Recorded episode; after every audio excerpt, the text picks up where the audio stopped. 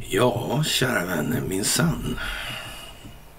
Det är fantastiskt. Alldeles jävla helfantastiskt skulle man kunna säga.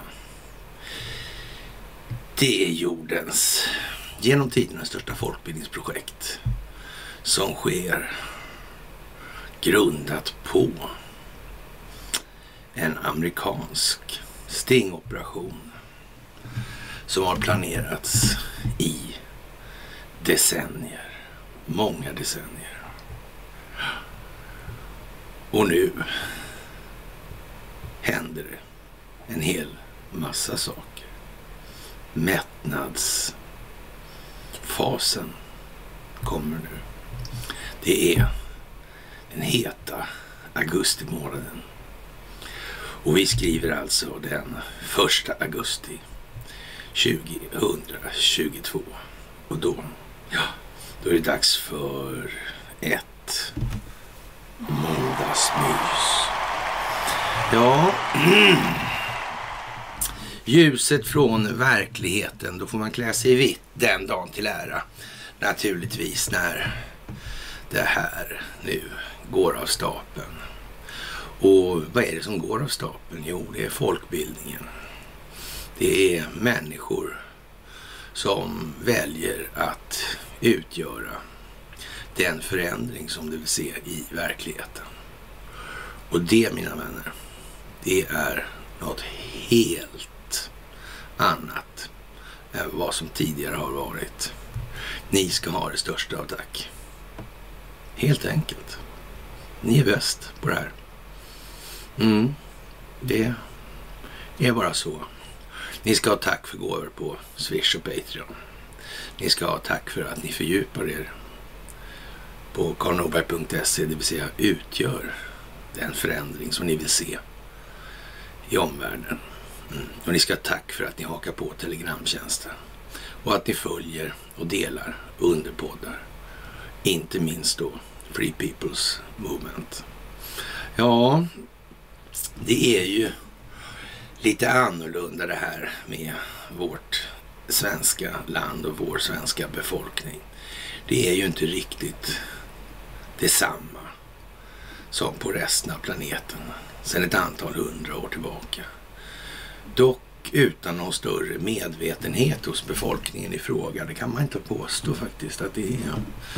Ja, den här regeringen ger hur som helst klartecken till Svenska kraftnäts begäran att få investera 3,2 miljoner kronor miljarder kronor i åtta stamnätsstationer.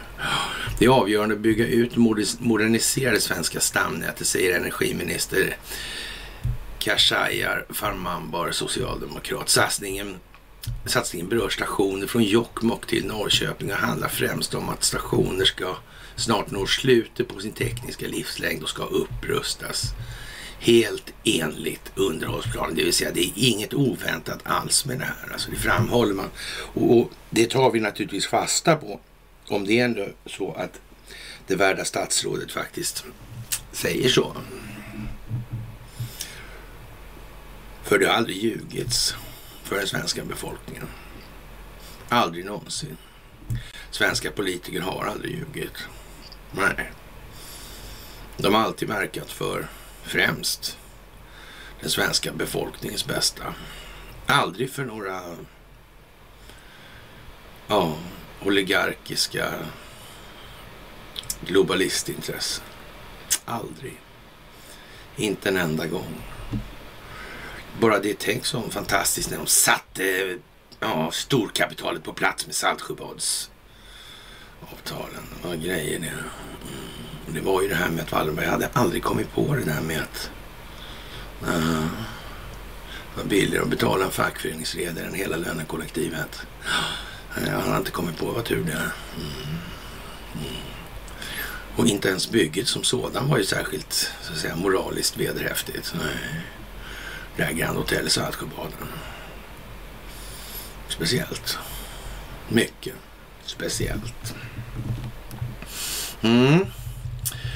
Ja, och det här sträcker sig ju lite grann utanför Saltsjöbaden i dagens läge.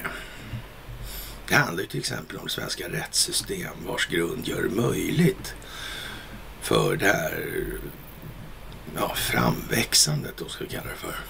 Mm. Men omvärlden tycks ha tröttnat. Den tycks ha tröttnat och inte bara lite grann utan något så in i helvete alltså.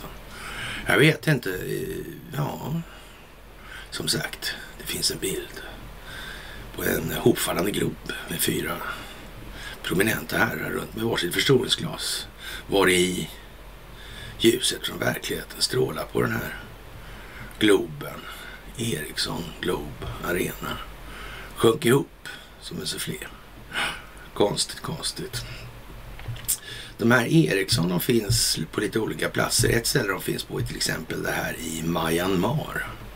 Men där var det väl så att en militärjunta tog makten ändå satte den här äh, Nobelpristagerskan i fängsligt förvar.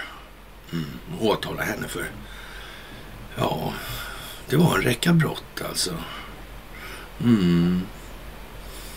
Konstitutionella grejer också.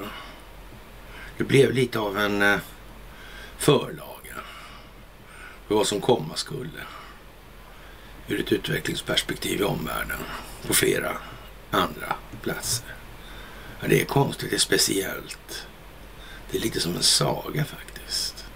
En dramaturgi skriven av någon som van att göra film.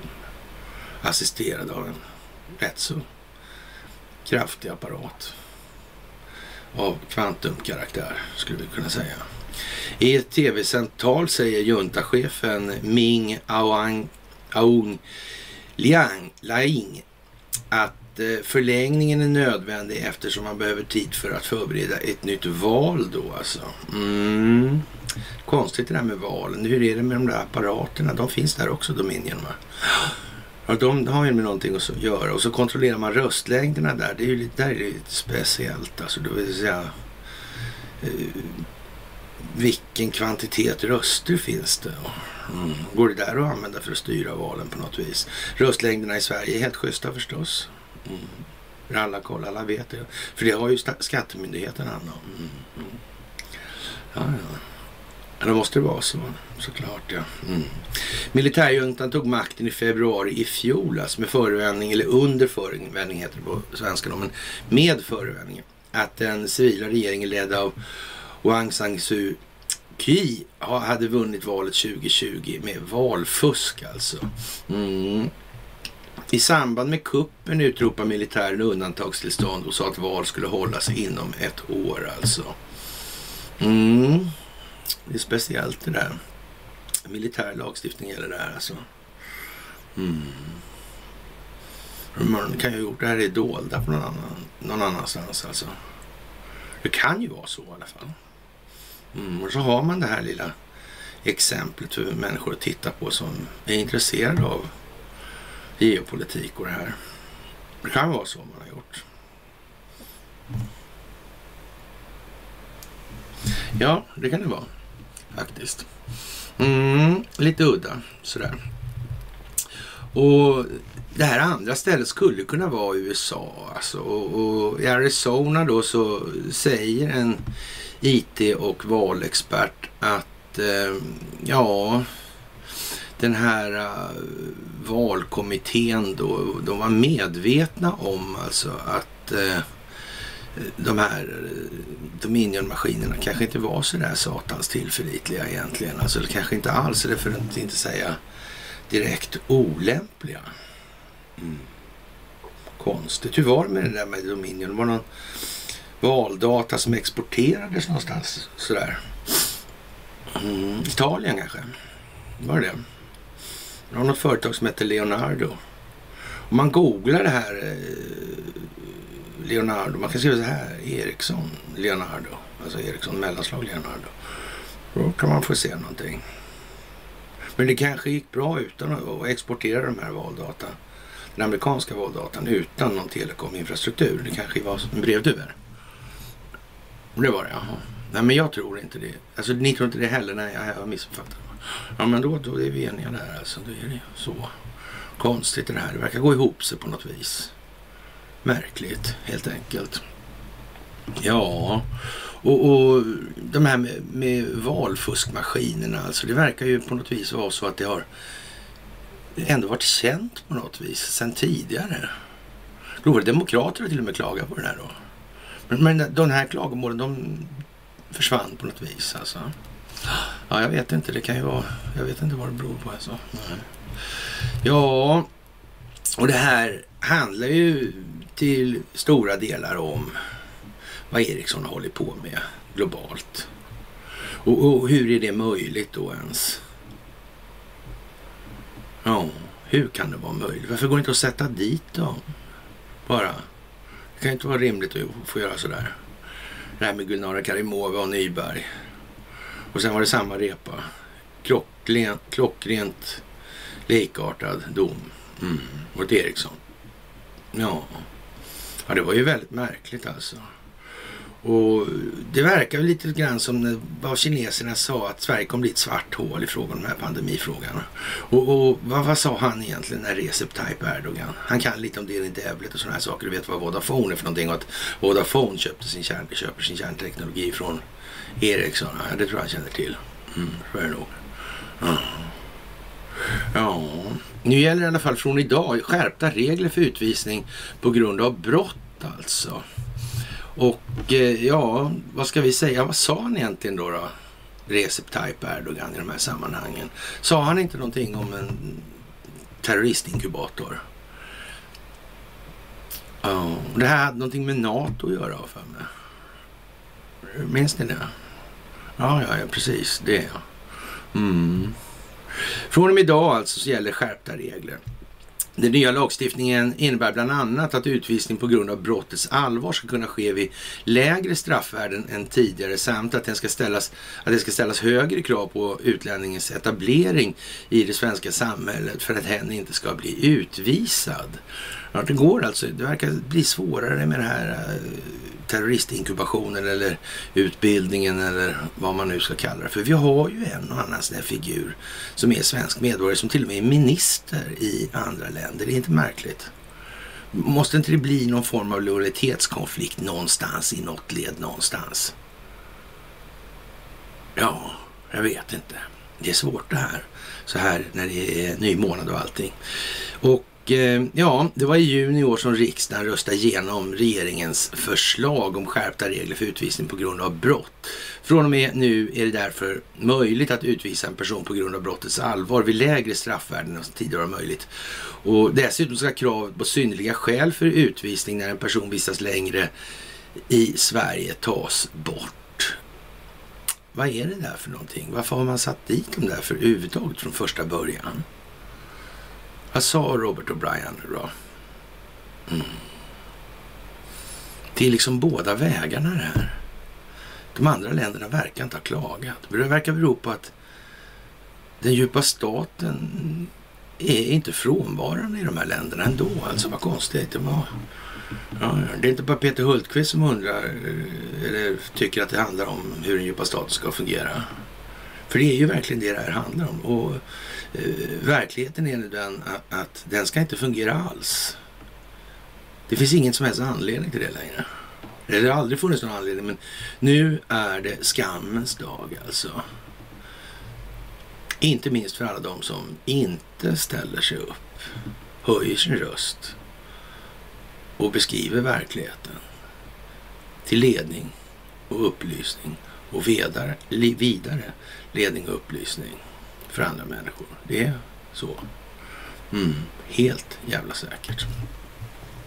Jaha, regeländringarna innebär också att det ställs högre krav på en utlänningsetablering i det svenska samhället för att denna inte ska bli utvisad samt att domstolarna inte längre ska beakta det men som personen i fråga för, förorsakas genom utvisning vid straffmätningen och valet av påföljd.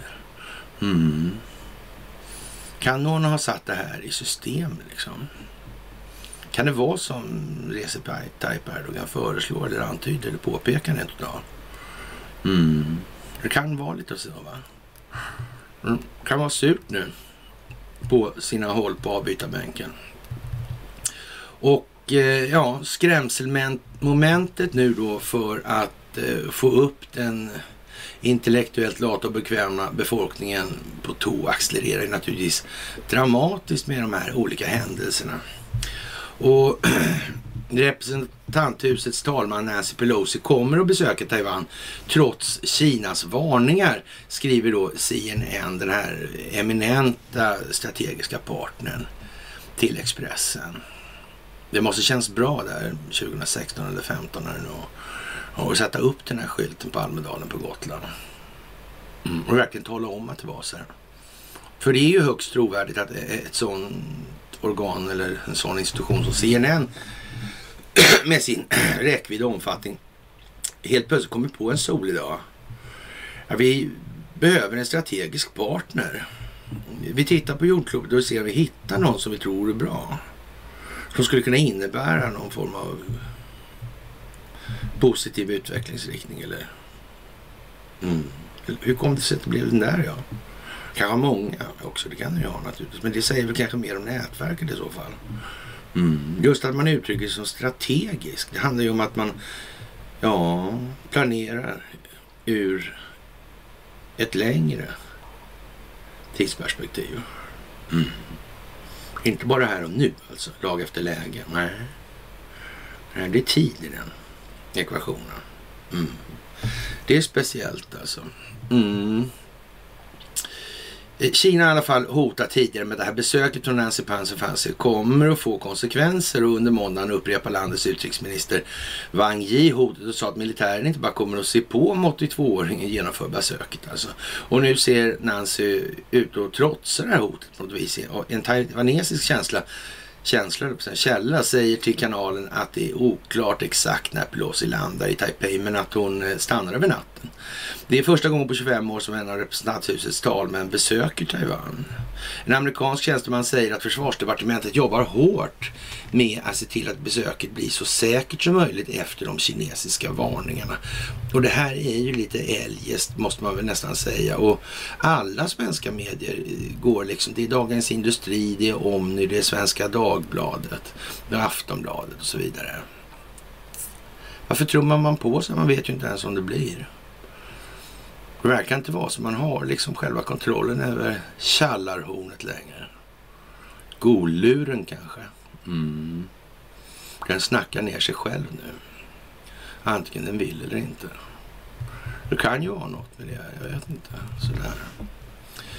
Och ja, det är ju lite speciellt får man säga när de sjunger samma vers allihopa. Ja, och eh, som sagt eh, det här med Paul Pelosi och hans business. Mm. Och det här med att inte förstå att den djupa staten finns i Kina utan påstår då att vi vet ju att Pelosi har djupa kontakter med CCP så det här är bara spel för gallerierna. Ja, det är bara spel för gallerierna men inte i den meningen. För att skydda den djupa staten då får man faktiskt vara rätt tappad för att tro det. Det är liksom inte mer än så. Det är otroligt att en del människor som fortfarande, det finns ingenting som pekar på att det här är inte är en anka. Nej. den smakar till som en anka när man grillar den. Ja. Men det är nog en krokodil. En haj kanske. Ja, man vet ju inte. En karamell kanske det är i alla fall. Mm. Hur gjorde Andrew Jackson när han fick bort den här privatkontrollerade amerikanska centralbanken egentligen? Jo, han enade befolkningen. Men det är väl inte så särskilt troligt att det finns många demokrater som vill ha det här kriget då som nu står för, står för dörren. Mm.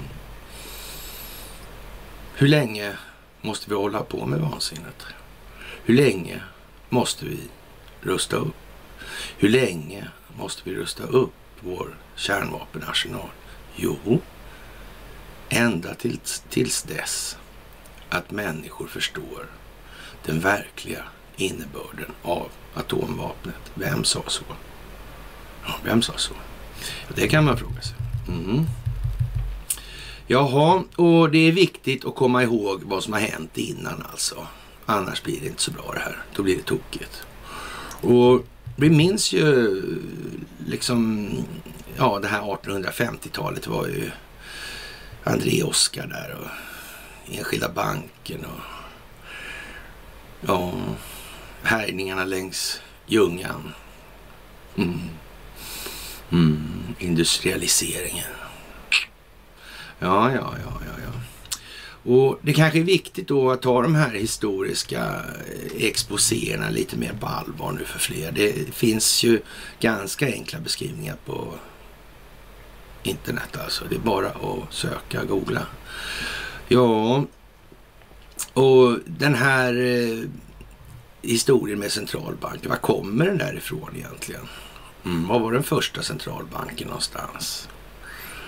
Mm, och som man gav då liksom en prägel, eller vad ska man ju säga. Så man en förespegling i alla fall av att det här är någonting som styrs på ett sätt som befolkningen kan vara med och påverka. Och I Sverige har vi visserligen tagit det steget då där man säger alltså att det är politiskt eh, fristående. Det vill säga den kan inte påverkas av politiken alltså. Men vi har demokrati ändå fast bankernas pengar styr den ekonomi som kontrollerar politiken och så vidare. Men å andra sidan så har vi ju folksuveränitetsprincipen som säger att eh, all offentlig makt utgår ifrån befolkningen samtidigt som regeringen har tillskansat sig den här eh, abolitionsrätten. Jag menar det är ju motsägelse på motsägelse på motsägelse på motsägelse och det gäller att se det nu. Det gäller att upplysa andra om det. Och, och för vårt vidkommande, vi som gör det här tillsammans, så kan vi ju konstatera att det benägna biståndet från resten av alternativrörelsen, det eh, låter vänta på sig kan man ju kanske säga, men det är i vart fall inte över, eller i varje fall inte överväldigande ännu. Men vem vet, de kanske kommer på bättre tankar helt enkelt. President Andrew Jackson tillkännager att regeringen inte längre kommer att använda den andra banken i USA, landets nationalbank alltså. Det var den andra sån här centralbanken. Den första fick inget förnyat förtroende. Ja, den 10 september 33, 1833 så. Han använde sedan sin verkställande makt för att ta bort alla federala medel från banken i den sista salvan av vad som kallades bankkriget. I killed the bank skrev han på sin gravsten. Som den minnesvärde läsaren, eller minnesgode läsaren naturligtvis kommer ihåg. En nationell bank hade först skapat George Washington och Alexander Hamilton 1791 för att fungera som ett centralt arkiv för federala fonder. The Second Bank of United States grundades 16, 1816. Alltså. Fem år efter, det här är alltså året efter Wienkongressen 1814-15 och eh, ja, det var ju två rätt så rejäla krafter i rörelse då, men, men den ena fick ju stryka på foten under rätt lång tid sedan då. Och eh, Ja, det här var ju fem år efter den första bankens då befogande eller förordnande hade löpt ut. Traditionellt hade banken drivits av en styrelse med anknytning till industri och tillverkning och därför och var därför partisk mot de urbana och industriella nordstaterna. Jackson, symbolen för gränsmannen, avskydde bankens brist på finansiering för expansion till de ostadiga västerländska territorierna. Jackson protesterade också mot bankens ovanliga politiska och ekonomiska makt och mot bristen på kongresskontroll och dess affärs, över dess affärsförbindelser. Låter det bekant kanske? Ja, varför sitter de enskilda vinstmaximeringsintressena, alltså privatbankernas representanter i Finansinspektionen som ska utöva tillsyn över bankerna. Hur kommer det sig egentligen? Är det smart? Är det rimligt? Vad är det för jävla dumheter? Vad är det för jävla dumheter? Och kan man fråga folk som har suttit i Finansinspektionen och såna här grejer alltså. Hur de själva ser på det där. Ja, men det är väl inget konstigt. Vi är ju hederliga. Ja, men då så.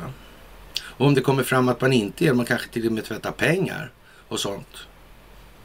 Det skulle aldrig varken Swedbank eller SEB göra, ingen annan heller för den delen. Nej, jag vet inte fan alltså. Det är klart. Det är ju klart alltså. Ja, Jackson han var ju känd och han hade förresten Donald Trump hade honom på kontoret hängande bakom sig. Det är lite konstigt. Känd och envis och brutal, som envis och brutal. Men en man av det vanliga folket efterlyste en utredning av bankens politik och politiska agenda så snart han intog Vita huset i mars 29. För Jackson symboliserar banken hur en privilegierad klass av affärsmän för, förtryckte det vanliga folkets vilja i Amerika. Han gjorde klart att han planerade att utmana bankens konstitutionalitet till stor fasa för dess anhängare. Som svar, eh, ja, Eh, började då bankens direktör Nicholas Biddle sin egen eh, politiska maktutsvävning och vände sig till kongressmedlemmar inklusive den mäktiga Kentucky-senatorn Henry Clay och ledande affärsmän som sympatiserade med banken för att bekämpa Jackson här då. då. Och samma år senare då så presenterar Jackson sitt Eh, case mot banken i ett tal till kongressen. Till hans förtret var hos medlemmar i allmänhet överens om att banken verkligen var konstitutionell. Alltså den var till för folket, alltså trodde de. Ja, ändå dröjde kontroversen om banken kvar under de kommande åren. 32 ledde splittringen till en splittring i Jacksons kabinett och samma år la den envisa presidenten in sitt veto mot ett försök från kongressen att utarbeta en ny stadga för banken. Allt detta ägde rum under Jacksons, ja så att säga, mandat, eller så att säga kampanjperiod för omvalet då.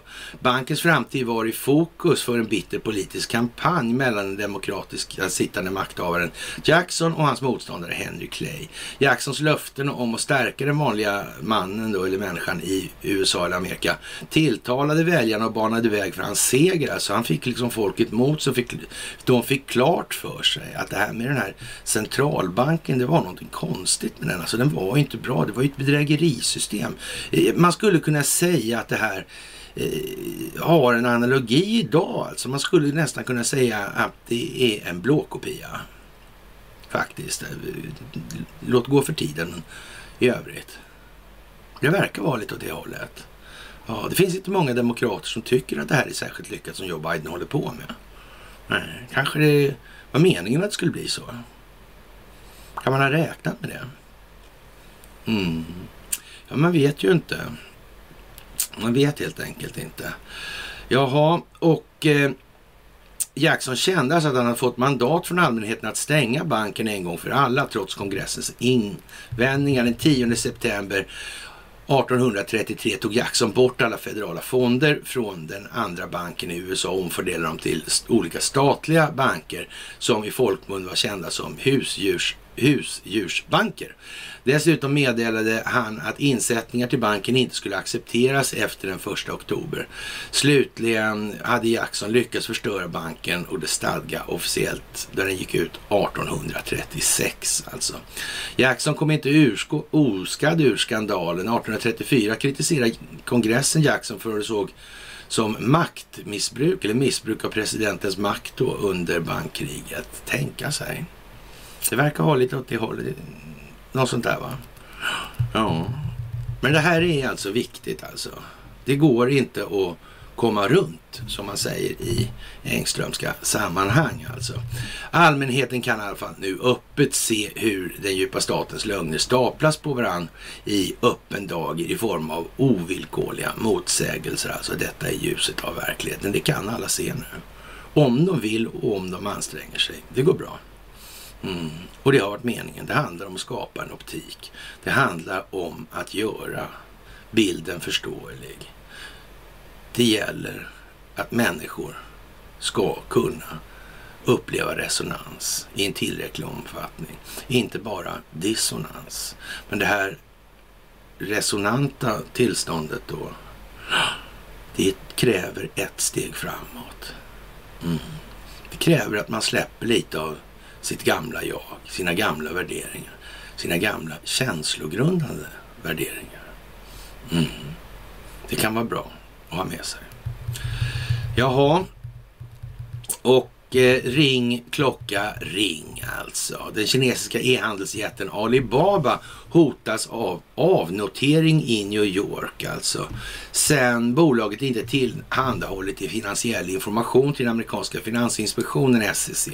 I ett uttalande måndagen heter det att bolaget övervakar händelseutvecklingen och att man ska sträva, sträva efter att behålla sin, sina börsplatser både i New York och Hongkong. Finns då några telekombolag i de här sammanhangen i New York och Hongkong till exempel kan man ju börja med att tänka sig. Då.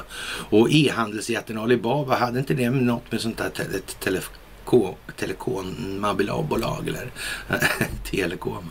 Nej, men det är någon form av sån här telekominfrastrukturell firma liksom. Börje han, han jobbar ju på en sån, det, det kommer vi ihåg alltså. Börjes brygga där alltså. I bryggan med Börje, en följetong på Myssviten. Mm. Karl Norberg punkt skrattretande. Mm, skulle man kunna säga.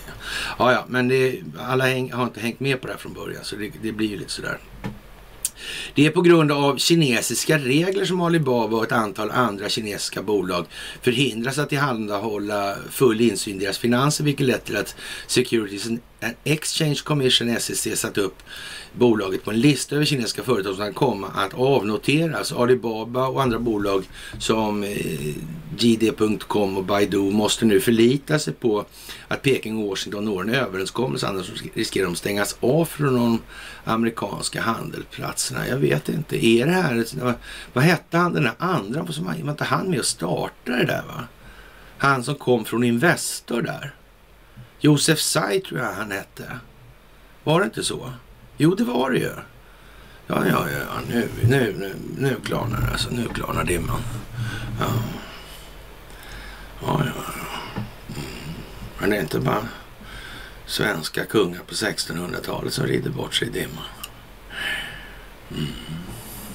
Det tycks man ha gjort på flera håll numera. Ja, ja, ja, ja. Det var värst alltså. Det där, vad, vad är det för bolag? Det här Alibabel då, eller vad heter baban? Det här Mm, 40, ja, 40 rövarna alltså.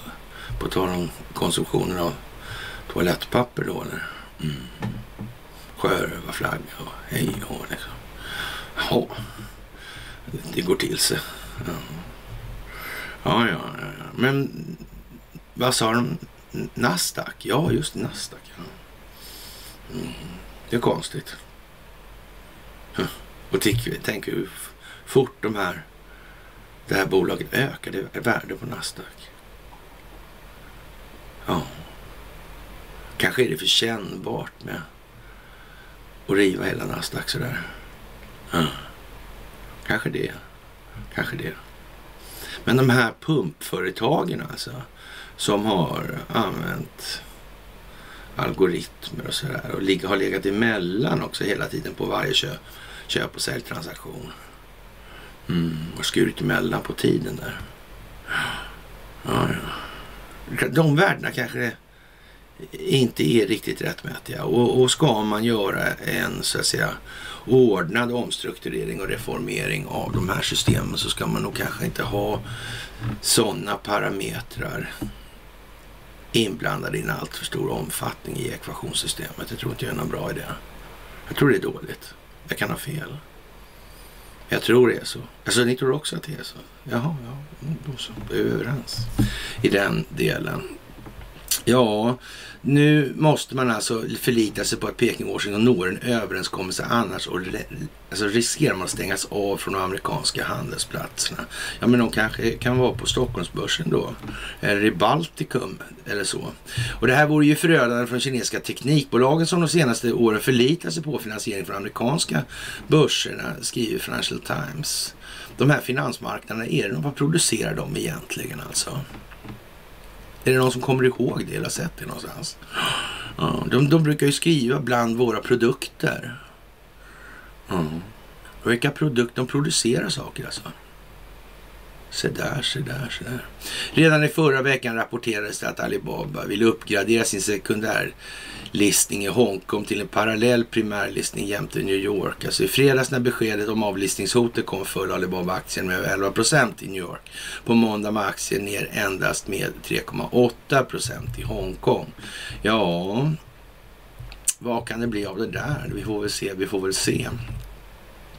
Och det här med speciellt alltså, det får man nog tillstå i dagens läge. Det här med eh, de här institutionerna, den institutionaliserade korruptionen i Sverige. Det där verkar lite märkligt. Jag tycker det faktiskt.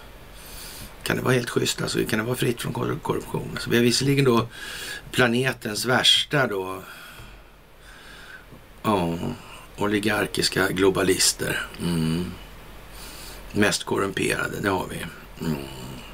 Men, men det kommer till stånd alltså helt utan eh, något benäget bistånd i vart fall från eh, statsförvaltningen och administrationen. Aha, aha, aha. Där begreppet Stockholmsskolan och Stockholmssyndromet och, och Stockholmsbyråkratin framförallt. Det är, det är påhittat alltså. Mm, mm. Ja, ja, ja. Ha, ja, jag vet inte om det är riktigt så. Vilka poliser vill vi ha i Polistidningen för en liten kort tidsperiod sedan? Ja, eller nu kanske då. Det var kort alltså. Det finns också studenter som har ertappats med att fuska, som måste äta psykofarmaka för att klara vardagen och som visar upp sina egna körkort och frågar hur man vet vilka siffror som är personnumret. Ja, studenter som under övning mer än halvvägs in i utbildningen skjuter en berusad man som inte vill lämna ifrån sig sin spritflaska. Är det förtroendeskapande det här? Man kan säga så här att ju mindre befolkningen förstår, desto mer poliser kommer att behövas. Av någon anledning verkar inte upplysning till ledning, till vidare upplysning och ledning, har varit något mantra i alla fall, inte mer framträdande i verkligheten i alla fall, när det gäller den här typen av utbildningsfrågor för rättsväsendet. Är inte det konstigt? Mm. Det verkar lite märkligt alltså att det blir så. Kan det vara någonting man har eftersträvat? Försökt skapa? Glasmästarens barn och så vidare. Ja, jag vet ju inte. Jag kan ju inte veta det så där tvärsäkert. Men, men jag, jag, tycker jag känner någonstans i alla fall att uh, lite skaver allt. Va? Det skorrar lite helt enkelt. Ja, det vill jag nog eh, säga. Och det blir ju inte mycket bättre av att Södertörns högskolas eh, adress då här finns med vid Alfred Nobels allé. Ja. Sju också. Så där ja. Kan inte bli bättre. Mm. Lite komiskt nästan skulle man kunna säga. Va? Mm. Men men det är... Ja, men kan det här handla om att man ska få folk att tänka efter? Att människor ska reagera? Mm. Här är ett folkbildningsprojekt, verkar det som. Eller menar de att alla våra svenska politiker har misslyckats så in i helvete kapitalt under hela sin yrke, yrkesverksamma gärning då, eller vad vi ska kalla det för. Ja. ja, det kan ju vara så naturligtvis. Inte, absolut alltså. Det ska man inte ge sig fan på alltså. Nej, det ska man inte göra. Men man ska nog inte heller släppa helt i alla fall misstanken. Den möjliga öppningen för att det här kan vara konstruerat. Inte minst i det här läget när den geopolitiska omvärldsutvecklingen ser ut som den gör. Det tror jag också alla förstår alltså. Ja, jaha. Då får vi väl se då. Det blåser ju upp alltså och inte sådär lite grann alltså. Och nu ska det här rökas ut. Nu är vi inne på den delen av det här folkbildningsprojektet. Där de stora befolkningsmässiga förändringarna ska ta vid. Och det kommer dramatik. Det är precis som med luftrumsförsvar och hur man mättar ett luftrumsförsvar med hjälp av de här inkommande missilerna. Det vill säga man skjuter mer än vad luftrumsförsvaret har kapacitet att motverka. Mm. Och då rinner det igenom, så att säga. Och idag, nu, den här första augusti, så kan vi konstatera att det stökar till sig i Kosovo. Det stökar till sig, där har vi nazister i faggorna igen. Mm, konstigt. I Israel. Hassan Nasrallah vaknar till liv helt plötsligt. Eh, jag har inte funderat bara lite grann på vad han gör, men nu gör han. Ja, Nordkorea. Och Israel, vem har alltid bestämt det här? Ja. Taiwan. Mm. Vilka finns där? Finns, har de telefoner i där Taiwanen? Ja. Tillverkar de saker i Taiwanen? SIP kanske? Ja. Jag vet inte. Nordkorea skorpar till sig nu. Kim Jong-Un. Han har kärnvapen. Vem försåg honom med kärnkraften som ska göra kärnvapen trovärdigt.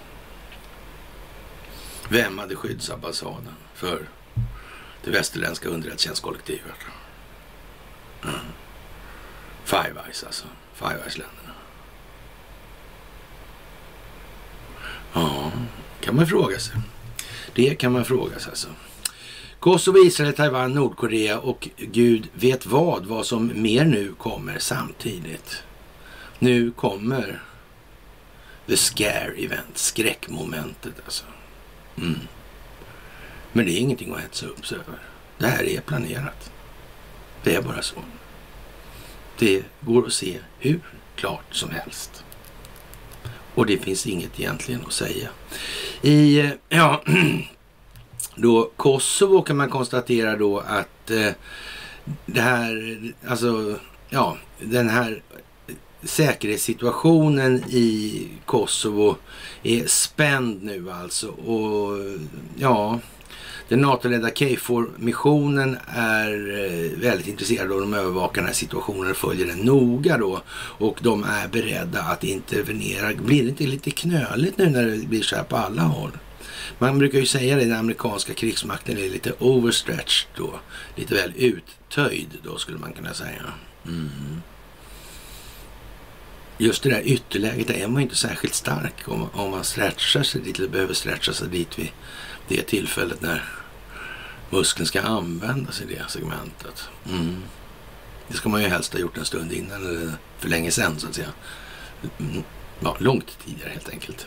Mm. Inte samtidigt. Ja, ja, ja, ja, ja, ja. Ja, jag vet inte det här med EU. Vad har vi sagt om det egentligen? Det här kanske är till för att exponera just det som vi säger ska komma och skapa liksom den optik som leder till det opinionsbildningsmässiga klimat som gör det möjligt. Eller kanske rent av gör det till någonting som sen sker av sig själv. Mm. Ja, jag vet ju inte. Vi får väl se helt enkelt. Multifrontsproblemformulering alltså, kan vi säga då. Jaha, och eh, Pelosis eventuella besök i den självstyrda kinesiska ön har utlöst en ilsken reaktion från Peking som sa att Washington lekte med elden. Det kommer ni ihåg, det har vi tagit upp i ett par mysar nu. Och eh, de kan bränna sig på den här lilla sekvensen då som en konsekvens.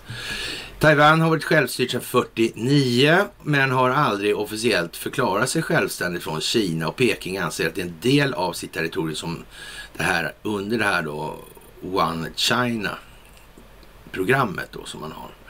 Och eh, trots att USA håller med om det här uh, One China-programmet på pappret och har skrivit på det så har USA starka inofficiella band i de här sammanhangen. Det verkar precis som att man har klivit i med sådana här NGOs och grejer där.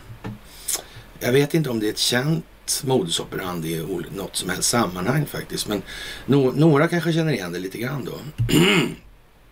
Ja, listan över destinationer för hennes asiatiska turné, turné som talmannen delade med allmänhet inkluderar alltså inte ön Taiwans regering och Taiwans, inte ön och Taiwans regering vill inte kommentera några planer på att välkomna Pelosi. Peking inledde en militärövning nära Taiwan när Pelosi avvek från USAs fastland till Hawaii förra helgen. Vissa kinesiska medier har spekulerat i att hennes plan kan utlysa nödsituation för att ge liksom en förespegling, en för förklaring eller förevändning att landa i, i ja, Taipei och hotellet tycks ju vara redan bokat om inte annat. Mm.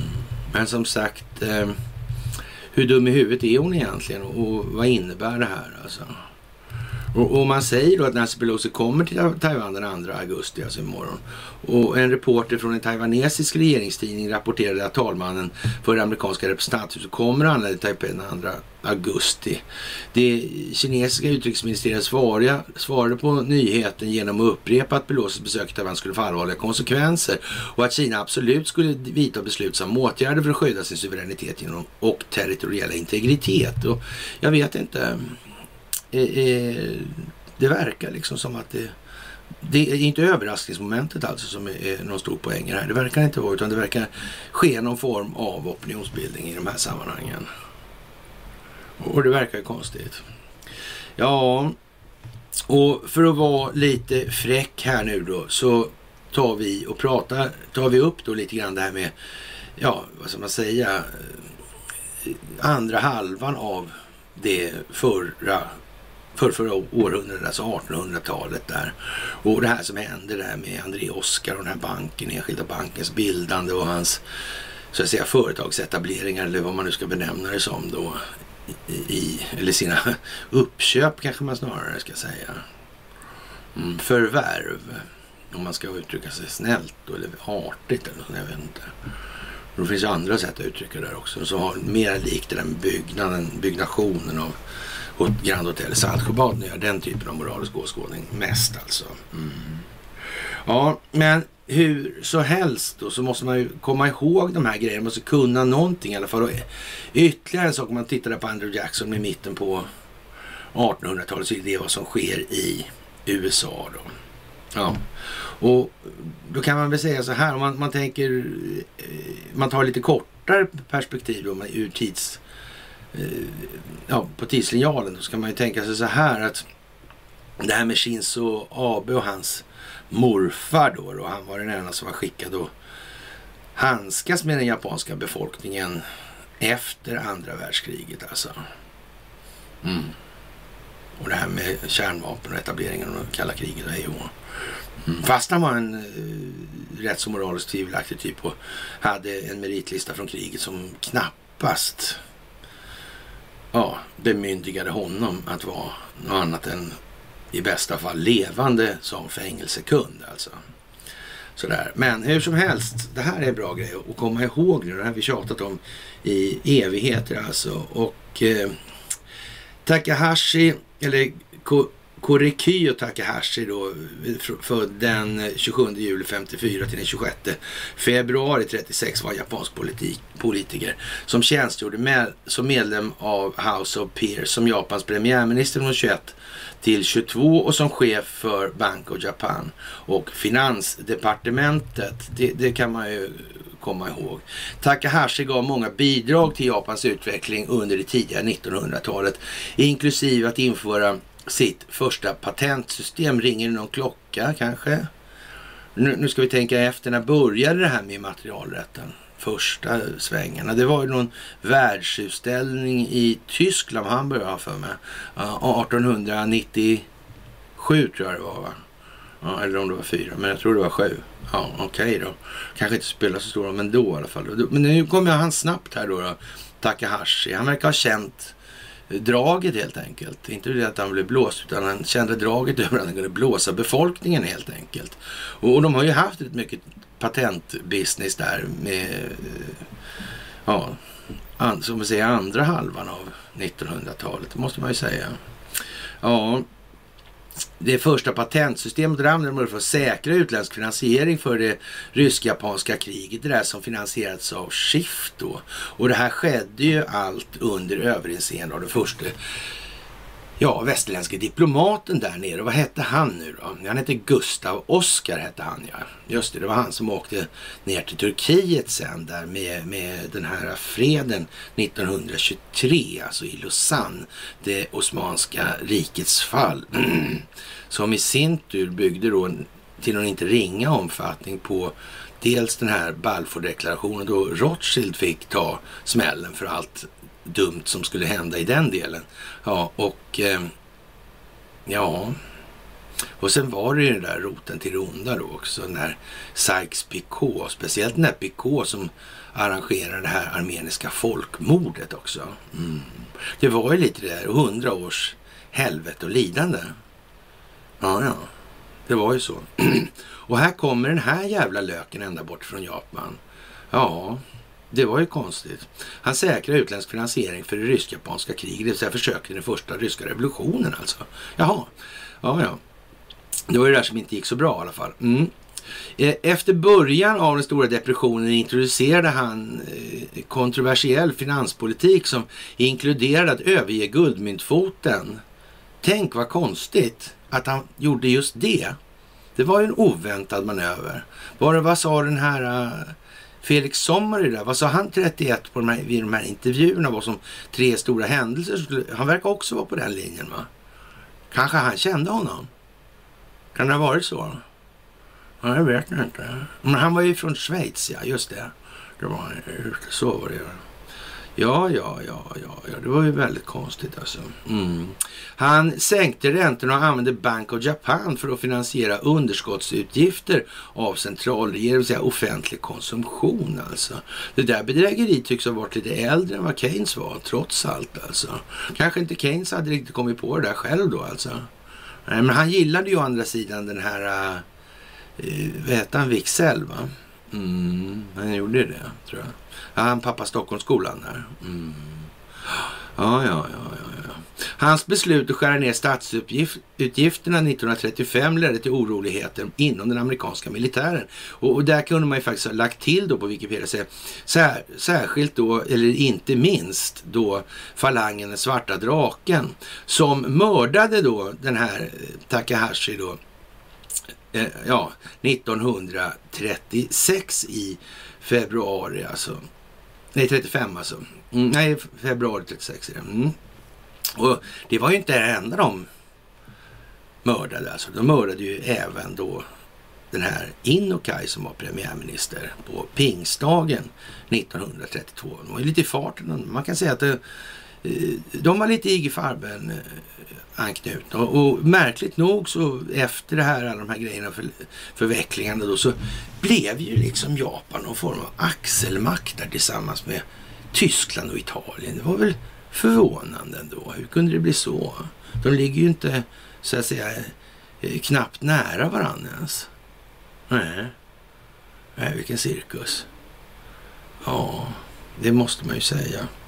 Ja, Takahashis politik är krediterad för att ha dragit Japan ur depressionen men ledde till skyhög inflation efter mordet eftersom Takahashis efterträdare blev mycket motvilliga att skära av finansieringen till regeringen. Hur, hur har det gått med Bank of Japan och deras? Äger de någonting av så att säga, den finansiella delen av den japanska ekonomin, typ börsen och sådär? Alltså? Över 90 procent. Men så mycket kan det väl inte vara? Det verkar vara jättemycket. Det är bara en stor, de sitter alltså på en stor pruttkudde, alltså hela, hela Japan. Vad fint, när den spricker. Då blir det något alltså. Mm. Ja. Då blir det något. Det blir en brakskit som ser ut som en kastspya helt enkelt. Jaha, nu verkar det ju vara så det här med, med ja, den här med chipindustrin och Taiwan och såna här grejer. Det är konstigt det där alltså. Det är ju väldigt konstigt alltså.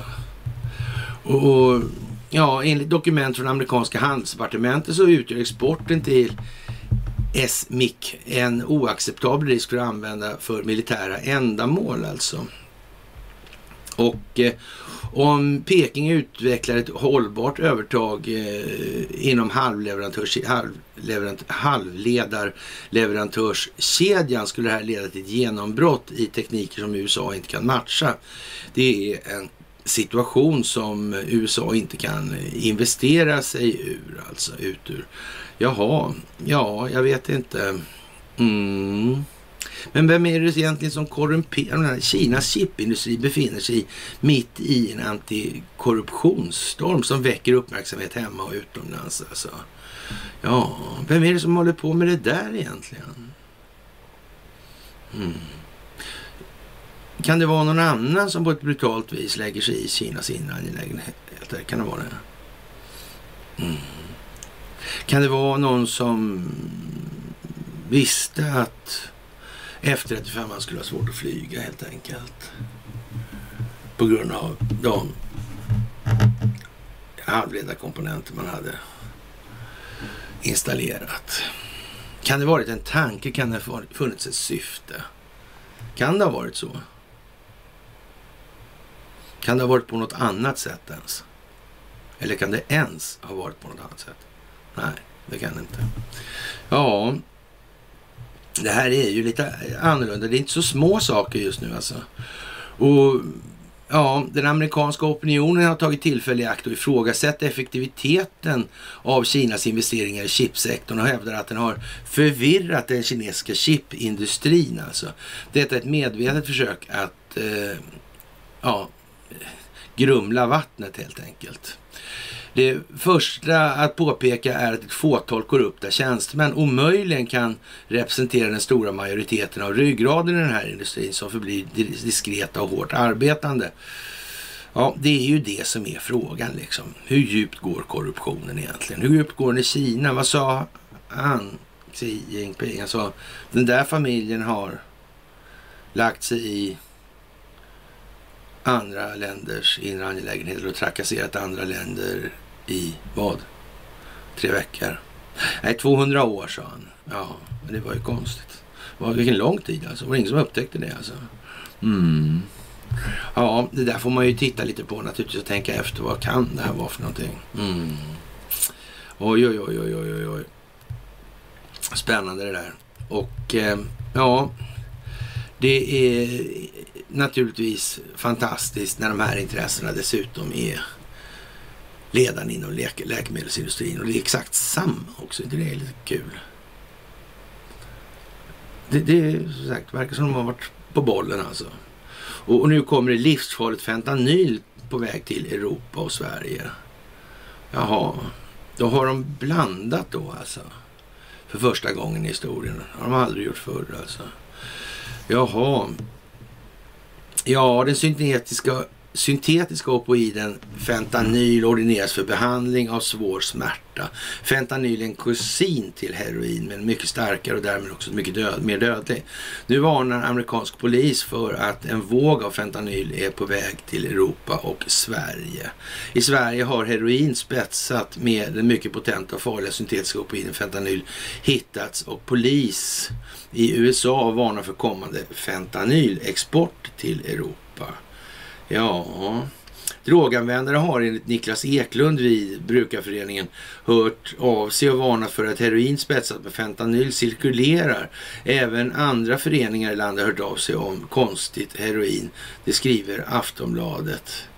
Ja, i mitten av 2010-talet låg fentanylrelaterade dödsfall i Sverige på mellan 100 och 150 per år. Men 18, 2018 har dessa dödsfall minskat. I USA var det fentanylrelaterade dödsfall dödsfallen cirka 70 000 förra året.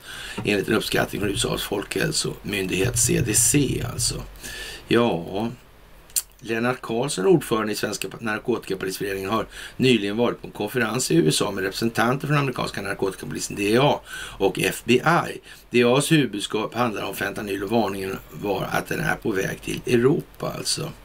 Ja, skulle man säga någonting kanske om underrättelsetjänster och sådär? Eller behöver man inte det kanske? Det kanske redan är känt vad det här är för någonting. Det sitter liksom ihop på något vis. Men det är ju inte så, kanske så konstigt om man tänker på att underrättelsetjänstkollektivet sitter ihop med telekominfrastrukturen. Eh, och de äger bankerna de här också. Sen äger de läkemedelsindustrin också. De äger liksom alla grejerna. Ja, men det kanske inte spelar så stor roll, jag vet inte. Det kanske inte gör det, för då hade ju någon av våra svenska politiker gett sig på det här. Såklart. Det kan man väl säga. Jaha, och eh, ja, det, nu kommer, kommer det fram då i USA angående det här uh, valet då eh, 2020. Och ja, de har hållit på och fuskat här alltså i Maricopa County. Och ja, jättekonstigt är det alltså. Mm, mm det verkar precis som att eh, det här kommer slå in i Sverige på något vis. För det här blir ju helt konstigt hur man än gör nu alltså. Allting verkar hamna här på något vis. I en stor avskrädeshög. Det ser ut som att det svenska folket kommer att få sin dom och den lyder som följer alltså. Det är upptäckten att dess välstånd har offrats på den falska solidaritetens altare. Fan vilken jävla överraskning vem kunde ana det. Inte Torsten Lothin i alla fall. Ursäkta mig. Mm. Sådär då.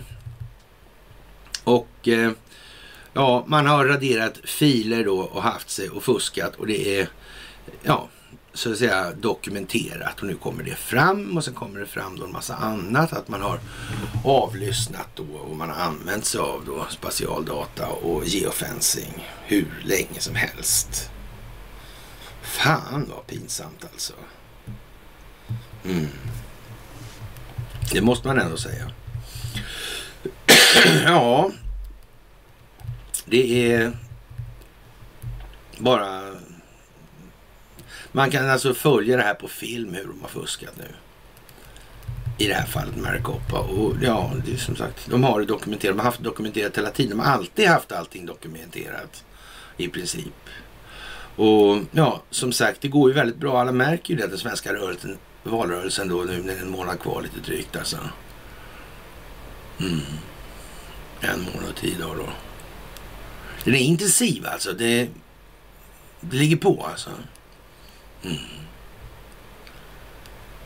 Det är konstigt. Ja, ja. Faktiskt. Och eh, ja. Hurra, hurra ja.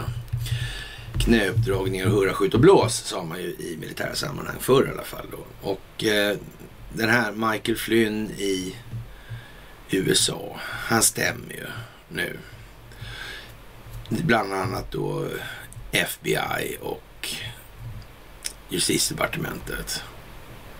Mm. Det är ju lite udda. Faktiskt. Och eh, ja. Vad säger det för någonting egentligen? Och det är Pock Times. Det är inte Hedemora Allehanda alltså. Nej. Jaha, och eh, det finns ju en motpol naturligtvis, Los Angeles då. Och eh, där behöver man alltså inte längre vara då amerikansk medborgare för att få ett statligt jobb. Det verkar på något vis att det är, är inte omöjligt att räkna ut vad det skulle kunna innebära i sin förlängning, vilka effekter det skulle kunna skapa. Möjligtvis kan det vara så att det är de effekterna som är eftersträvade. Det kan ju vara så alltså. Det behöver inte uteslutas. ja, jag vet inte. Det måste ju vara dumt alltså. Någon måste ju stå för det här. Och jag vet inte om det kan bli så mycket tydligare. Men det kommer det väl bli. Såklart. Och ja.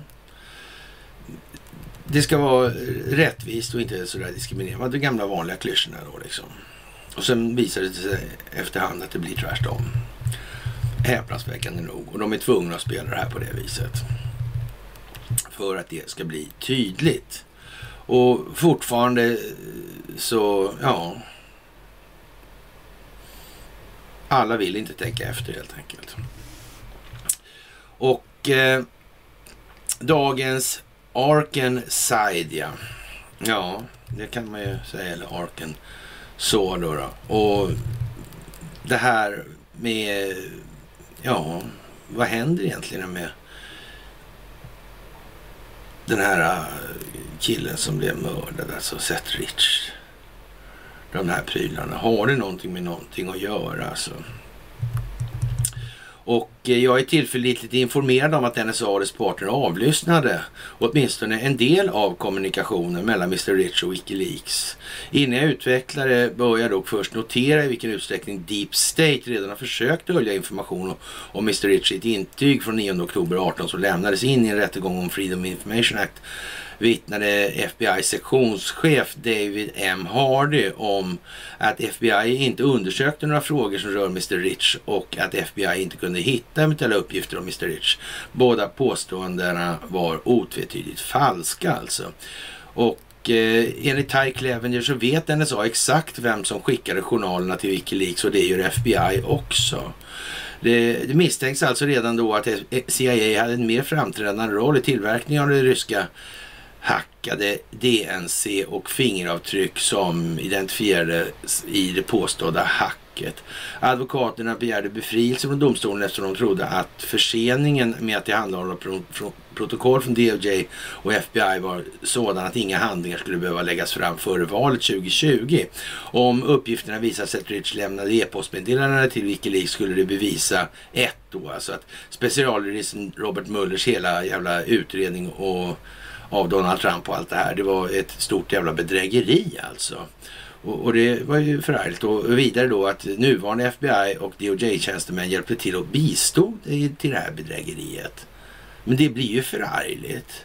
Det verkar som det här amerikanska valet på något vis ändå inte vill ge sig riktigt utan det kommer att slå in i svensk inrikespolitik. För det är ju jättemånga verkligen svenska politiker och svenska medier som har anfört just den här varianten av händelseutvecklingen. Det kryllar av dem. Jimmy mest tror jag. Heja Jimmy, heja. Eller? Men det är helt efterblivet alltså. Ja.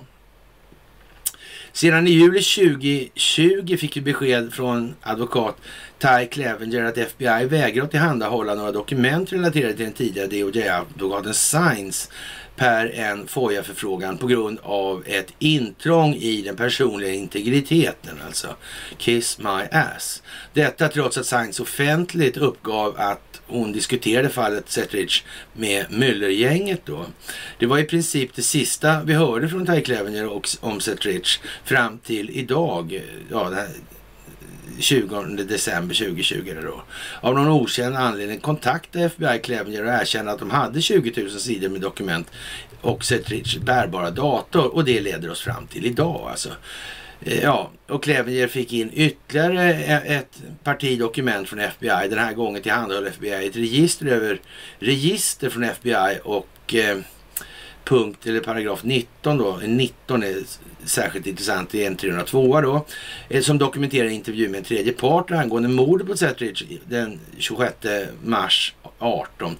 Thais begäran gällde dokumenter från FBI angående den ryska samverkansutredningen. Han säger att det är första gången som FBI har erkänt att de utredde Setrit-mordet som en del av den ryska maskopiutredningen. Vi visste att FBI tog vårdnaden om hans datorer och intervjuade vittnen. Men detta är ett erkännande att mordet var under utredning av det ryska samverkansteamet. Men det verkar lite onödigt kanske. Eh, efter flera år av undersökningar, kan man tycka från Hillary Clintons sida alltså.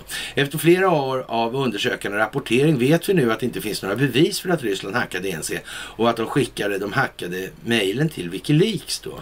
Advokat Ty Clevenger har hävdat i flera år att eh, ja, FBI och eller DNI har täckt upp för det här då, då, över det faktum att de har kommunikation mellan Setridge och Wikileaks där de meddelar äntligen Clevenger att de i princip ljög då och har tusentals sidor med dokument och Setridge bärbara dator dessutom. Och nu erkänner de att de intervjuar någon i mars 2018 relaterat till det här fallet.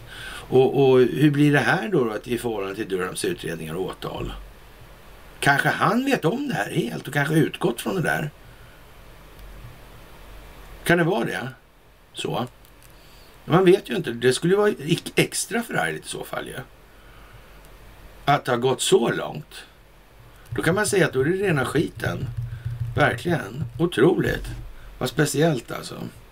Ja, och igår, häpnadsväckande nog då, så åkte jag bil hela dagen. Och, och det var, döm om min förvåning alltså när, när Sveriges Radio tar upp Lewinsky-affären och de aspekterna som det här handlar om. Mm. Och det här Whitewater, det, här, det fanns ett flipperspel som hette så. Mm. Då det fanns en massa sådana lustigheter. Det var ju en enorm eh, konstig skandal det här. Att, att egentligen så var ju det här då liksom... Eh, ja... Den här Lewinsky-affären, det var ju liksom en... ja, vad man säger, en cover-up. Mer eller mindre. Det sa de inte på Sveriges Radio igår alltså. De sa att den tog fokus från den här Whitewater-affären, sa de. Men de sa inte att det var skapat som det sa de inte. Mm, konstigt. Jag kan visa det. Jag vet inte. Ja, det svenska rättssystemet alltså. De rymmer väldigt mycket de här ungdomarna. Undrar varför. De upplever sin egen förbättring så starkt så de måste de gå vidare mm, själva. Är det vård eller är det något annat de pysslar med? Konstigt faktiskt. Ja, ja. Ja, och eh, som sagt, en fantastisk grej är ju ni i det här och plötsligt så händer det alltså när någon springer på sanningen på en t-shirt och, och springer ikapp t-shirtbäraren för att knyta kontakt alltså. Så pratar man föreläsningar och att se systemets korruption och bankerna. Ja, allt mellan himmel och jord som berör världens största folkbildning på vår jord. Alltså. Fantastiskt. Fantastiskt. Det sprider sig överallt. I alla led. Ur alla perspektiv. Så är det. Det är förändringen. Det är det som är vår resa. Som utgör vårt mål. Resan är målet. Ja, det är bra. Det är bra. Men hjärntvätten den sitter djupt, står baksidan. Ja, det är baksidan på det här. Precis. Och därför tar inte resan slut heller. Det finns alltid förbättringar att göra vidare. Ja, det är ja, en hjälte i Roslagen alltså. Och eh, den amerikanska toppmilitären alltså uppmanar till kamp mot globalisterna. Ja, inte ens SvebTV kan ju låta bli och ta fasta på det här. Men det här med att så att säga gå vidare med vad det här är för strukturella problem som har funnits under så lång tid. På vilka grunder och vilka då? Särintressen. Ja, det är som det är helt enkelt. Och vi får väl eh, hålla hoppets låga lite grann vid liv att de inte är så tappade som de förefaller. Men ja, ja, ja, ja. Men som sagt, våld vid gränsen till Kosovo Ja, eller får Kosovo att backa om nya kontroller i det här och det är SVT-nyheter. Nu är det som sagt, det gäller att trumma på nu för att det här ska bli riktigt eh, ja, stressat och otrevligt. Människor ska upp på tå helt enkelt. Och när, ja, ruttna röstlängder och så vidare och, och, man börjar prata om det här svenska valet och, och Magdalena ställer upp i fotbollströja Eh, då är, och med, inför den problemställning som finns totalt sett gällande geopolitiska utvecklingsklimatet så ställer hon upp i fotbollströja och gör tummen upp. Gift med Richard Friberg. Sveriges främsta expert på valutaregimen och innehavare av Jakob Wallenbergs professur på Handelshögskolan i ja, Stockholm. Vad fan ska man säga liksom? Det är ju klockrent alltså. Som tur var gick det ju som det skulle för Sverige i den meningen. Jämlikhetsfotboll. Alltså. Ja, ja. Jordens magnetfält kraftigt försvagat. finns olika teori, teorier. Om det här som man inte kan se är det ju såklart att det finns många teorier. Det finns det alltid. Av någon anledning. Men kanske det är så att det här är, ja. Är det så farligt eller? Hur farligt är det då? kan man lita på den som kommer med det här? Är det ingen risk att det här används opinionsbildningsmässigt?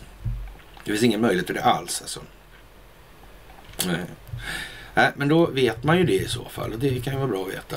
Mm. Man måste ju lita på dem som säger att de vet mest. Alltså kan de ha en lackskärmmössa dessutom. Va?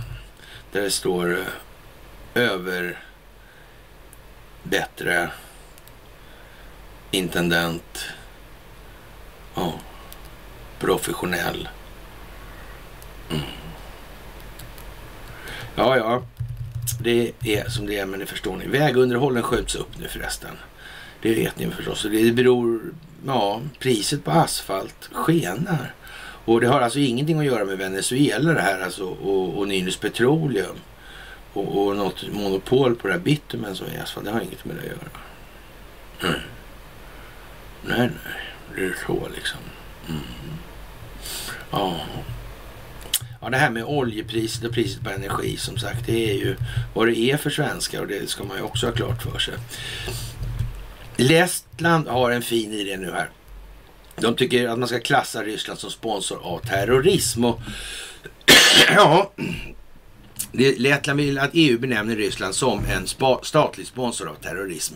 Det säger landets utrikesminister Edgars Rinkevich till Politico efter attacken mot fängelse i östra Ukraina på fredagen, alltså vilket ukrainska krigsfångar befann sig. Och, och ja, eh, ukrainska krigsfångar.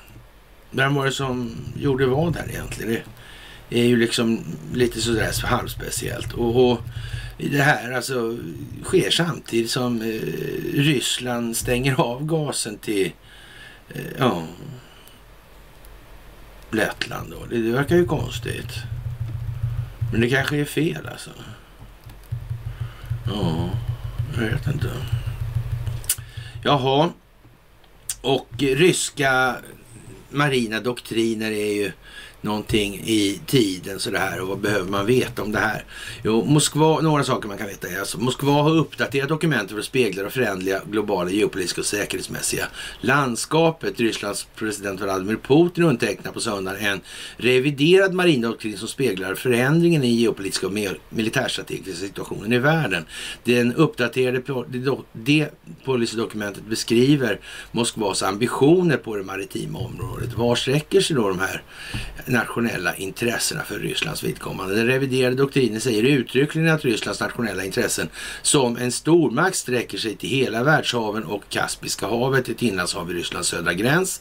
Moskva strävar efter att främja sina intressen baserat på universellt erkända principer och normer i internationell rätt samtidigt man tar man hänsyn då till andra nationers intressen. Vad ser man som det största hotet i det här sammanhanget då? Dokumentet beskriver flera utmaningar och hot som eh, Ryssland står inför på sjöfartssfären. Till en stor del eh, relaterade till Washington och allierades aktiviteter då. Bland hoten identifierar doktrinen USAs strategiska väg att dominera världshaven och intrånget av NATOs militära infrastruktur mot landets gränser. Ja, hur är det med utländska flottbaser då, då? Dokument erkänner bristen på utländska maritima återförsörjningspunkter och baser som är avgörande för att utöka den ryska flottans operativa räckvidd. Dock förställer föreställer doktrinen skapades av en sån anläggning i Röda havet. Kommer Ryssland att få hangarfartyg då? Doktrinen inkluderar bygga en ny varvsanläggning i Rysslands Fjärran Östern. Varvet kommer användas för att bygga fartyg med stor kapacitet inklusive fartyg som är lämpliga för utveckling av Arktis. Samtidigt som moderna hangarfartyg för marinen för närvarande har Ryssland ett flygplansbärande flotthangarfartyg, då det flottfartyg. Amiral Kuznetsov-kryssaren då, eh, som har varit ur drift och genomgått reparationer sedan flera år tillbaka i tiden. Då. Alltså det är inget hangarfartyg, det är en kryssare. Jaha, blir det fokus på Arktis då?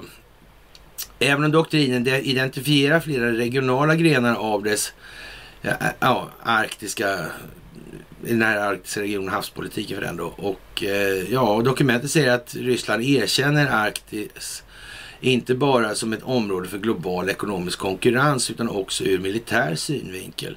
Den föreställer sig att bygga upp landets militära kapacitet i regionen, utnyttja, utnyttja naturtillgångar till havs och vidareutveckla Northern Sea-rutten då för att göra den till en säker väg då året runt och globalt konkurrenskraftig ja, rysk nationell sjöfartsrutt alltså.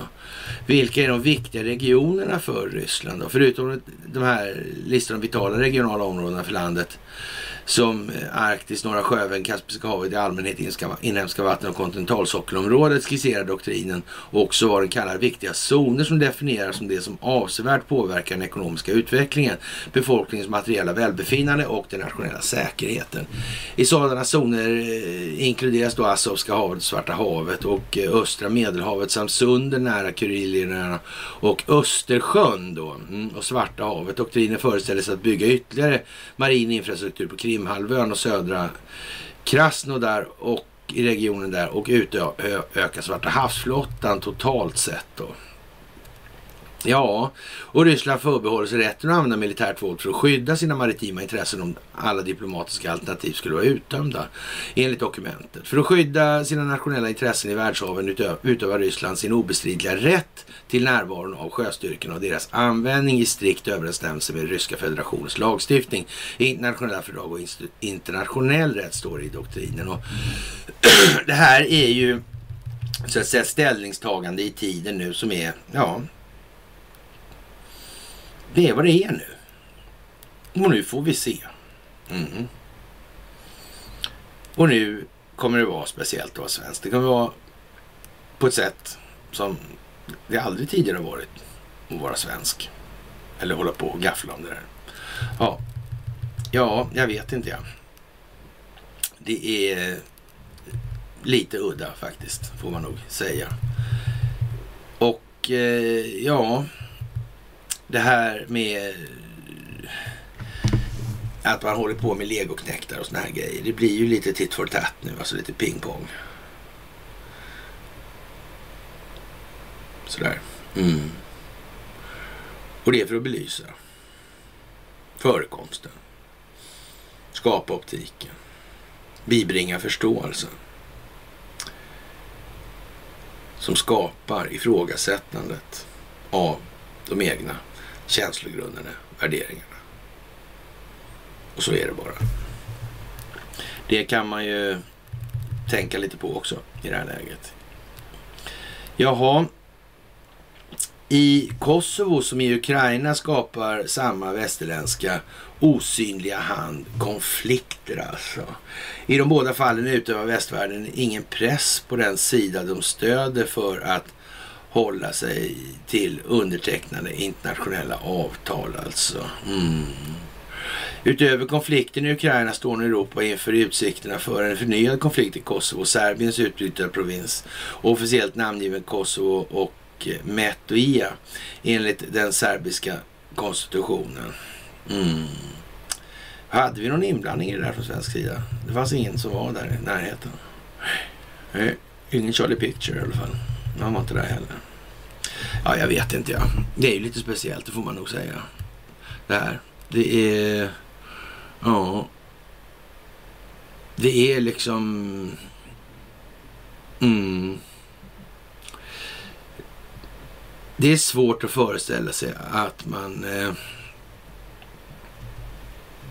inte gör det här med flit. Man kan säga så här, den serbiske presidenten har offentligt uttalat att Serbien inte är intresserad av en förnyad konflikt men inte kommit på men inte kommer tillåta att dess folk skadas och missbrukas av Kosovos säkerhetsapparat.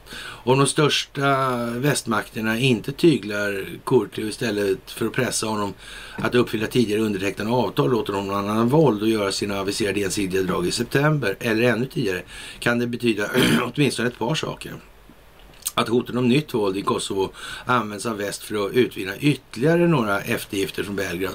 Kanske bakom kulissen. De är alltså, Belgrad är alltså lojala mot Ryssland kanske kan tillägga för de som inte förstod det. Eh, kanske bakom kulisserna då. Ja, som har att göra med bildandet av en ny serbisk regering. Ja, att västvärldens belägrade politiska eliter vill ha eller kanske desperat behöver ja, bryta ut en annan konflikt i Europa eller kanske till och med båda de här konflikterna av någon anledning för att dölja då det här valutafinansiella systemhaveriet, alltså det monetära systemets haveri på grund av eller skuldmättnaden. Mm. Det var så. Det är ju inte exakt kärnfysik det här nu längre. Nej, det är det inte. Ja, men i alla fall kan vara helt säker på att det går inte att föreställa sig ens att USA och EU faktiskt gör något för att i grunden bidra till en fredlig lösning på det här eftersom de hela tiden sitter och skapar de här. Och, nu är det ju det det handlar om. Man måste visa att de gör det så folk ska förstå vad det är de gör och varför. Det gäller att skapa optiken och så vidare. Mm. Ja, ja, men det är ju som det är. Och som sagt, alltså, det är inte bara i väderleksrapporterna då, och bland de anlagda skogsbränderna som det hettar till alltså. Och, och, ja, det verkar vara planerat lite grann som vi sa. Hisbollah varnar Israel, alltså Hassan Nasrallah. Och, och ja, det handlar om Israels offshore naturgasindustri som kommer att attackeras om inte den judiska staten löser den maritima gränstvisten med Beirut. Den judiska eller, gruppen publicerade en video på söndag som visar drönarfilmer från fartyg och produktionsplattformar som är involverade i att tappa eh, Israels enorma gasfyndigheter till havs. Alltså. Videon visar också koordinater för varje plast som visas. Det började med ord från ett tal nyligen av Hizbollahs ledare Hassan Nasrallah som varnade för att lek med tiden inte är användbart i den territoriella konflikten alltså. Och ja, enligt videon togs bilderna på lördagen den 9 juni. Bilderna ska ha tagits vid Karish, ett fält i omtvistade vatten där det Londonbaserade uppströmsföretag, eller Energean, planerar att börja ja, pumpa enligt gas då ett kontrakt med israeliska regeringen senare i år. Och det här verkar vara någonting som Erdogan lite inne på det här. Mm, det här med utvinning av de här. Det finns en massa fält där. Det är nionde fältet bara. Tror jag för mig som är nionde eller sjunde. Mm. Mm, det är konstigt. Ja, ja. Sådär alltså. Mm. Det är ju, ja, det är vad det är helt enkelt. Och det drar ihop sig ordentligt alltså. Jaha, och så var det ju där med den här uh, Takahashi igen då. Mm. Och det här är ju väldigt speciellt måste jag säga alltså. Det tycker jag. Här finns en till Takahashi alltså. För en ex-Tokyo styrelseledamot för 2020 då. OS där då, då. Han fick massa pengar då. då. Lustigt. Han hette också Takahashi. Haruyuko Takahashi. Han, han insisterar på att han inte gjort något fel. Nej, nej. Men lustigt namn i alla fall. Skulle de inte ha valt någon som... Ja, jag kan inte rå för vad man heter. Jag kan byta namn. Det här verkar osedvanligt korkat. Mm. Men han kanske trodde att det här namnet skulle leda till annat. Man vet ju inte det riktigt. Och ja... Ja, det fanns inget olagligt med pengarna insisterar man på och så vidare. Ja, det, det här är ju liksom...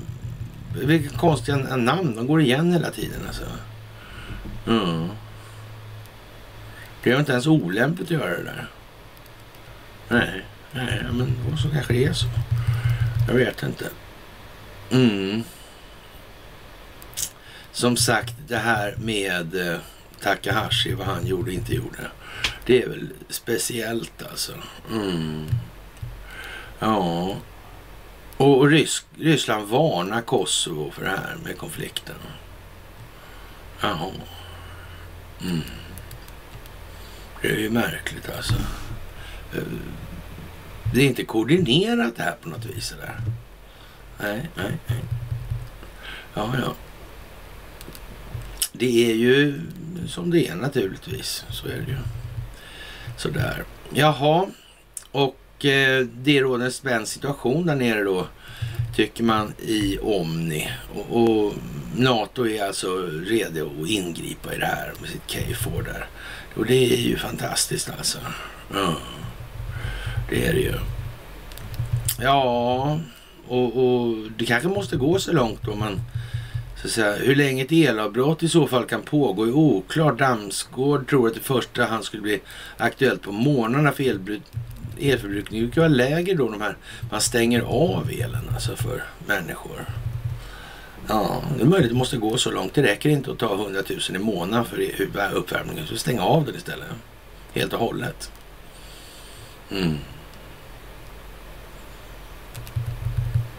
Tills dess att människor bedömer sig själva handlingsförmögna att göra någonting då, ska man säga. Och Joe Biden är som sagt eh, lite krasslig nu igen alltså. Och det, det är ju lite otur med det här virusen han får hela tiden. Och nu ska han vara då isolerad. Men ja, eh, han, han tänker nu på att avbryta sitt presidentskap, hävdar då Donald Trump lite grann mellan raderna sådär. Och jag vet inte. Ja, det är ju som det är naturligtvis. Mm. Och eh, ja, vi, vi, världen vill inte ha ett globalt NATO skriver man i konsortium, Notes och, och verkar ha liksom noll koll på någonting alltså egentligen. Eh, Vladimir Putin sa, frågade om inte han skulle gå med i NATO med Ryssland. Och det skulle han naturligtvis inte, svarade NATO. Nej, det är ju det. Men eh, då blir, måste ju finnas en fiende liksom för att motivera förekomsten och existensen. Mm. Det går inte. Det går inte helt enkelt. Ja, det är nästan skrattretande faktiskt, det får man säga. Det måste jag nog säga i den saken. Och eh, det är den 15 är det inte bara köparen av Ljungaverk som kommer offentliggöras. Jag tror det är premiär för den här The Real Story av januari, den 6 januari då. I på EU, eller på nätet då. Och det kommer tydligen bli något alldeles hästväg. Det blir en het januari. Det är alldeles säkert faktiskt. Det är alldeles, alldeles, alldeles säkert. Och ja, det här... Eh, ja, man kommer inte tillåta ha någon valövervakning då i Los Angeles alltså. Nej. Och se, för att kolla rösträkningen. Jag vet inte riktigt. Men det eh, är, det otydligt eller? Det är, är det fortfarande? Ja. ja. ja. ja. Man, man kanske måste skriva, man, man får bära in säckar med poströster utifrån till räkningen. Man ska stifta en sån lag liksom. Mm. För innan det blir reaktion, jag vet inte. Men sådär.